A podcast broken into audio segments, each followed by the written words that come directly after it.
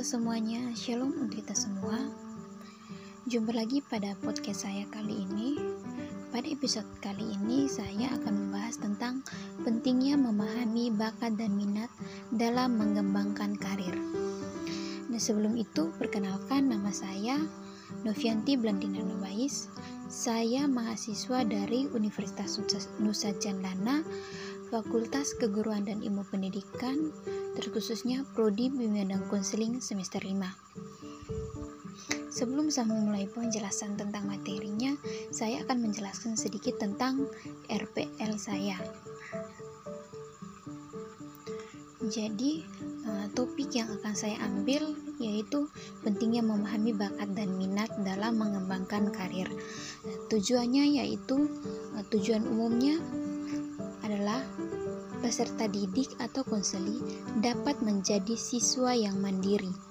Tujuan khususnya yaitu uh, agar peserta didik atau konseli dapat mengenal, mengerti, dan memahami tentang pentingnya bakat dan minat dalam mengembangkan karir. Di sini sasaran layanan saya yaitu kelas 12. Materi layanan yang akan saya berikan yaitu manfaat dari mengenal bakat dan minat, pengertian, faktor-faktor yang mempengaruhi, dan cara mengembangkan bakat dan minat. Alokasi waktu yang saya tetapkan dalam RPL saya yaitu 1 kali 40 menit. Metode yang saya gunakan yaitu ceramah untuk media atau alatnya hanya uh, membutuhkan HP dan uh, PowerPoint.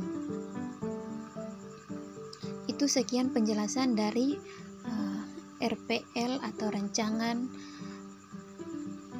pelaksanaan layanan saya. Baik, berikutnya saya akan masuk ke dalam materinya. Jadi di sini pertama-tama saya akan kita akan membahas tentang pengertian bakat dan minat. Jadi, kita semua tentu sudah tahu tentang apa itu bakat dan apa itu minat. Jadi, bakat itu adalah kemampuan bawaan sejak lahir yang merupakan potensi atau kemampuan terpendam diri kita yang masih memerlukan pengembangan melalui pendidikan, pembelajaran, atau pelatihan hingga menjadi suatu kecakapan dan keterampilan khusus. Misalnya seperti kemampuan berbahasa, kemampuan dalam bermain musik, kemampuan melukis, dan lain sebagainya. Kita merasa eh, ketika kita merasa bahwa kita begitu mudah dan lancar saat belajar, itu dapat dikatakan dalam bakat Bakat terbagi menjadi beberapa jenis yaitu yang pertama yaitu bakat akademis. Bakat akademis ini seperti bakat dalam bidang matematika, kimia, biologi, geometri, fisika, ekonomi dan lain sebagainya. Kecenderungannya itu ya, uh, dari jenis bakat akademis itu uh, lebih ke arah berpikir konseptual dan sistematis. Yang kedua yaitu bakat kreatif atau produktif. Contohnya itu uh, bakat dalam hal-hal mekanik, misalnya dalam memperbaiki sesuatu. Yang ketiga yaitu bakat seni. Bakat seni yaitu bakat seseorang yang di dalamnya ada potensi muda terlibat dengan sesuatu yang melahirkan keindahan untuk melahirkan keindahan seperti bakat dalam melukis, menari, dan lain sebagainya. Yang keempat, bakat kinestetik atau promotik. Bakat ini um, bakat kinestetik yaitu bakat seseorang yang di dalamnya ada potensi mudah untuk melakukan sesuatu dengan memaksimalkan gerak tubuh seperti seorang petinju, pesepak bola, pebulu tangkis dan lain sebagainya. Contohnya itu seperti uh, atlet uh, tinju yaitu Chris John, Andik Firmansyah dan lain sebagainya.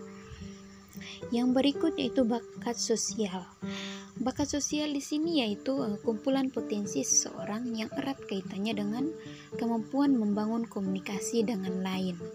Contohnya yaitu seperti guru, konselor, sales, dan motivator. Yang berikutnya yaitu pengertian minat. Jadi di sini minat merupakan dorongan atau keinginan dalam diri seseorang pada objek tertentu. Jadi minat itu sendiri dapat kita katakan sebagai suatu keadaan di mana seseorang itu mempunyai ketertarikan atau perhatian terhadap sesuatu dan disertai keinginan untuk mengetahui dan mempelajari maupun membuktikan lebih lanjut. Selanjutnya, faktor-faktor yang mendukung pengembangan bakat dan minat. Yang pertama itu faktor-faktor yang mendukung pengembangan bakat dan minat itu terbagi menjadi dua yaitu eh, faktor internal dan faktor eksternal. Nah, di dalam faktor internal itu terdapat eh, yang pertama itu faktor bawaan atau genetik. Kemudian eh, faktor kepribadian. Sedangkan dalam faktor eksternal atau faktor dari dari luar diri itu ada uh, faktor lingkungan misalnya seperti lingkungan keluarga, lingkungan sekolah, dan lingkungan bermain. Nah, pertama kita akan membahas tentang faktor bawaan atau faktor genetik. Faktor genetik ini merupakan faktor yang mendukung perkembangan individu dalam minat dan bakat sebagai totalitas karakteristik individu yang diwariskan oleh orang tua kepada anaknya. Jadi, dapat kita simpulkan bahwa uh, faktor genetik ini sendiri itu seperti uh, misalnya orang tuanya itu dua. Misalnya ayah dan ibunya itu seorang pebulu tangkis. Otomatis gen gen yang akan diturunkan kepada anaknya itu hmm, bisa ada mahir dalam bermain bulu tangkis karena uh, orang tuanya itu mahir dalam bermain bulu tangkis. Yang berikutnya yaitu faktor kepribadian. Faktor kepribadian di sini yaitu Nah, suatu keadaan psikologis di mana perkembangan potensi anak itu tergantung pada diri sendiri, diri dan emosi anak itu sendiri. Nah, hal ini akan membantu anak dalam membentuk konsep secara optimis dan percaya diri dalam mengembangkan minat dan bakatnya. Kemudian, faktor eksternal yaitu yang pertama faktor lingkungan.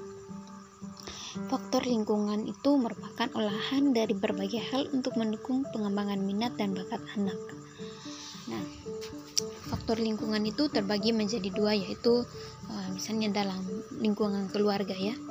Jadi uh, kenapa mengapa lingkungan keluarga itu sangat berpengaruh pada pengembangan bakat dan minat anak minat anak itu karena uh, di dalam keluarga itu tempat anak itu tumbuh dan kembang sehingga sangat penting bagi uh, keluarga untuk mendukung dan uh, memberikan uh, pemahaman kepada anak agar dapat melatih bakat dan minatnya. Berikutnya yaitu lingkungan sekolah atau lingkungan tempat anak bermain. Jadi lingkungan sekolah di sini juga sangat berpengaruh terhadap uh, pengembangan terhadap pengembangan bakat dan minat anak ya.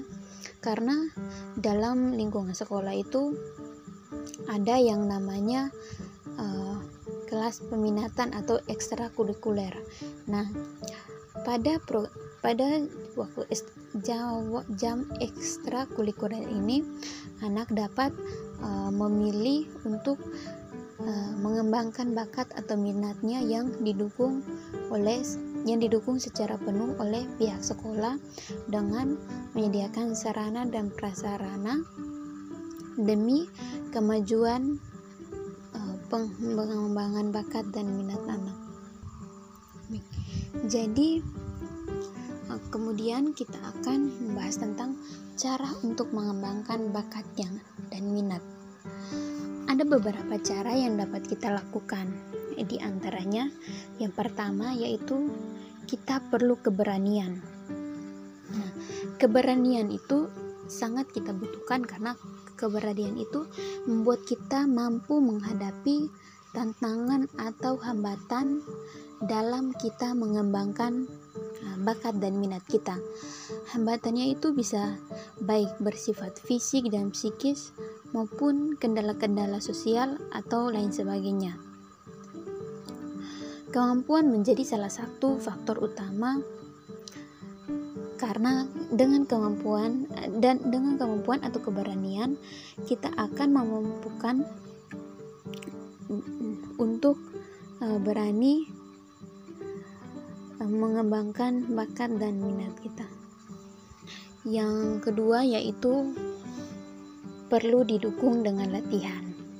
Jadi, bakat dan minat ini tidak serta-merta akan dengan sendirinya itu uh, misalnya kita misalnya uh, peserta didik itu memiliki bakat dalam melukis. Nah, bakat seorang anak atau seorang peserta didik itu tidak dapat langsung serta merta langsung uh,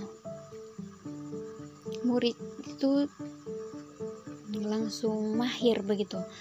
Tetapi harus perlu didukung dengan latihan secara terus menerus agar kemampuannya dalam melukis itu dapat berkembang.